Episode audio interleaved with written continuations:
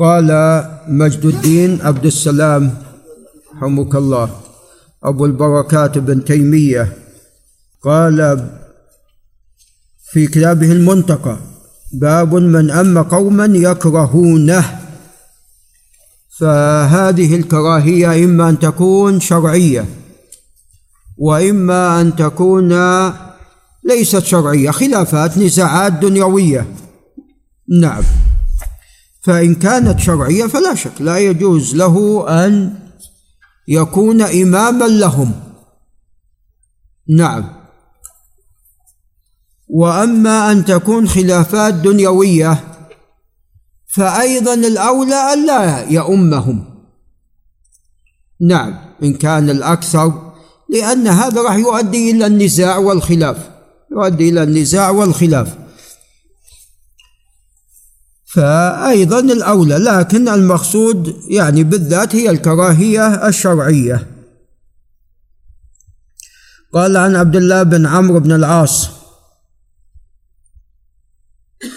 رضي الله عنهما أن رسول الله صلى الله عليه وسلم كان يقول ثلاثة لا يقبل الله منهم صلاة من تقدم قوما وهم له كارهون. ورجل أتى الصلاة دبارا والدبار أن يأتيها بعد أن تفوته. ورجل اعتبد محررة. نعم يعني الأصل محرر واعتبده.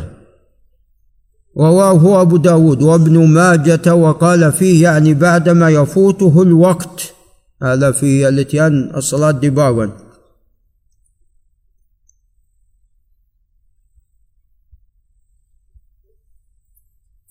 نعم. هذا طبعا لا يصح. هذا إسناده ضعيف ولا يصح.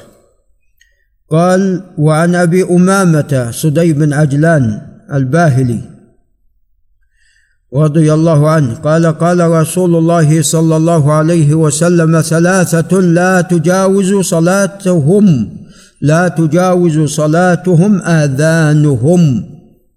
من هم؟ العبد الآبق حتى يرجع.